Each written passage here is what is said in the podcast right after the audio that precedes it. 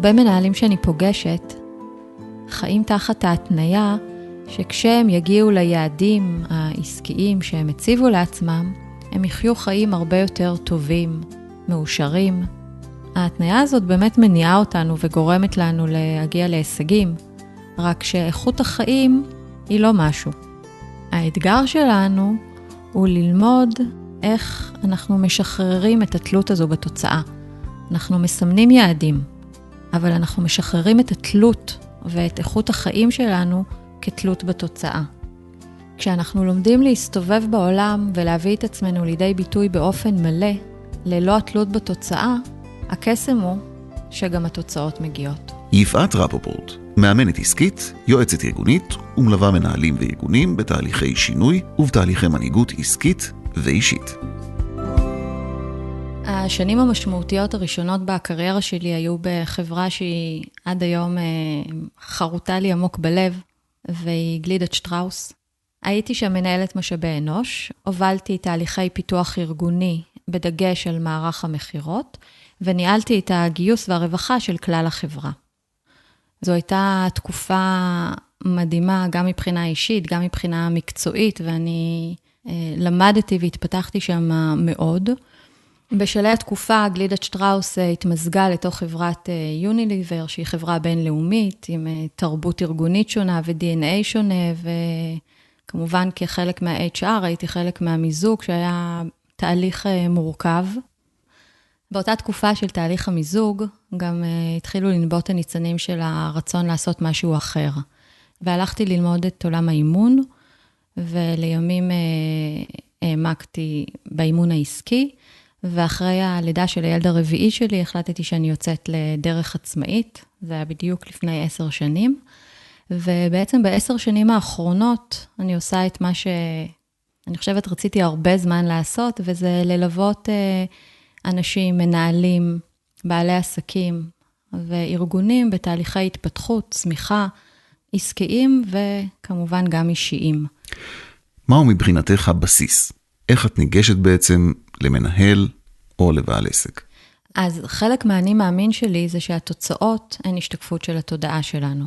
האמונה הזו משליכה בעצם על העבודה שלי, על דרך הפעולה שלי עם המנהלים שאני מלווה. וגם כמובן על העבודה שלי עם עצמי ביום-יום. זה תמיד בהסתכלות על שני צירים, על ציר הדוינג ועל ציר הבינג. ובדוינג יש את כל הפעולות שאנחנו עושים, שאגב, זה אוסף של ידע מקצועי, שאני חייבת להגיד קיים בחוץ אה, ובשפע, ברשת, בכל מקום. כמו לדוגמה, איך לנהל יותר טוב, איך לכתוב תוכנית עבודה, איך אה, לנהל ישיבת עבודה. Mm-hmm.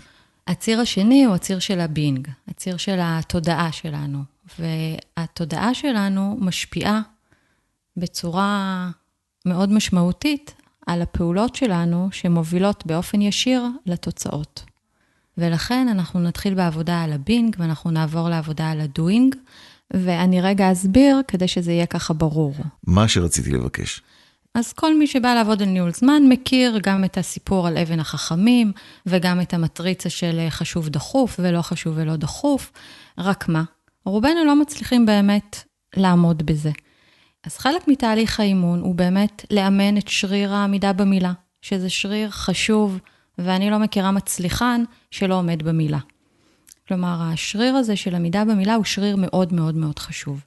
אבל אם אנחנו רוצים שהשינוי יהיה שינוי אמיתי ושהוא גם יחזיק מעמד לאורך זמן, שלא לומר לאורך שנים, אנחנו צריכים לעשות שינוי שהוא יותר עמוק ולהבין מעבר לדוינג, למה עד היום לא הצלחנו לעמוד בזה. וכאן, לרוב, יש משהו יותר עמוק. יש איזשהו חסם שהוא יותר עמוק, והוא יושב ברמות לפעמים מודעות, לפעמים, רוב המקרים, ברמות הלא מודעות. ואנחנו מעלים את זה. לדוגמה, מנהל שהוא נייס גאי, שלא נעים לו להגיד לא. ואגב, הרבה מאוד מהמנהלים שאני פוגשת הם מנהלים שקשה להם להגיד לא. ואז אני לא מצליחה בסוף לנהל את הזמן שלי, או לא מצליח לנהל את הזמן שלי, לא כי אני לא יודע לארגן אותו ביומן נכון. אני לא מצליח לנהל את הזמן כי קשה לי להגיד לא. כי כל אחד שקורא לי, אני מגיע. כי כל מישהו שמבקש טובה, אני בא. בין אם זה ב, ב, בארגון, בין אם זה חבר שמתקשר לבקש עזרה. ואז העבודה האמיתית והעמוקה יותר, היא בכלל להבין מה קורה לי כשאני צריך להגיד לא. ואיך אני מתחיל להגיד לא גם בסיטואציות שיכול להיות שאני אצא פחות נחמד, או אולי פחות יאהבו אותי, או אולי אני אהיה פחות פופולרי, או אולי יגידו איזה מנהל אני. ובעבודה הזו, שהיא עבודת עומק, הסיכוי שהשינוי יישאר לאורך זמן הוא הרבה יותר גבוה, וזה מה שקורה ברוב המקרים.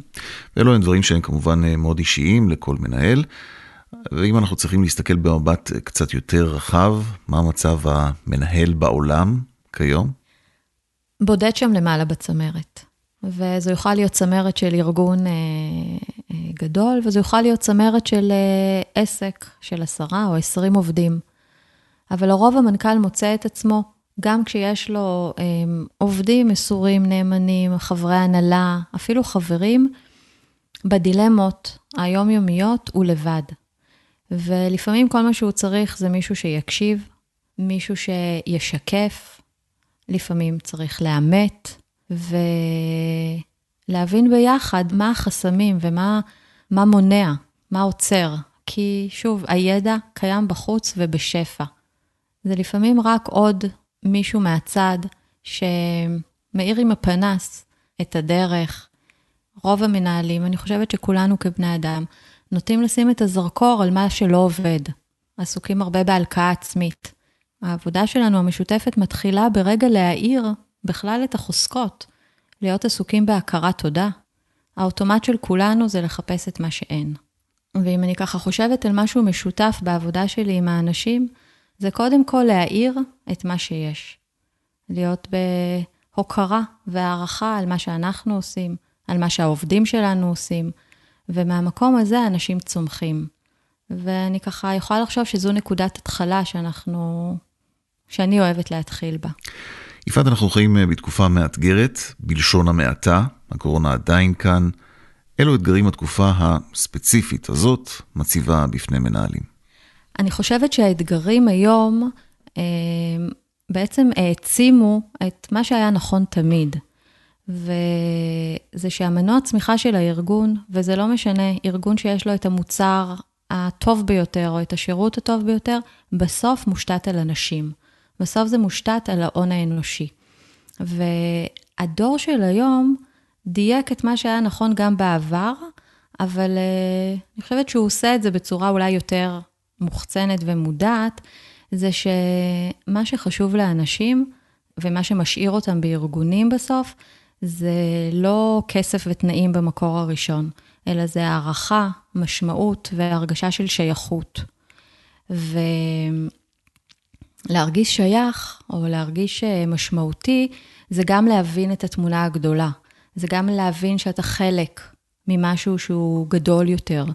ולכן האתגר, אה, אם אתה שואל אותי מה האתגר היום בעבודה שלי עם מנהלים, האתגר הוא קודם כל באמת להבין איזה מנהיג אתה, איזה מנהל, איזה מנהיג אתה רוצה להיות. וזה לא מובן מאליו שמנהל יושב עם עצמו ושואל את עצמו איזה מנהיג אני רוצה להיות. איך זה יבוא לידי ביטוי. וחלק מהעבודה שאנחנו עושים זה באמת לשבת ולהיות עסוק בשאלה הזאת של איך אני רותם את האנשים, איך אני מייצר עבור האנשים האלה משמעות, איך אני מייצר שייכות. ובטח כשאנחנו מדברים על uh, עולם uh, שעובד מהבית ועובד מרחוק, והרבה מהפגישות הן בזום, יצירת השייכות והמשמעות קריטית עוד הרבה יותר מאשר בעבר.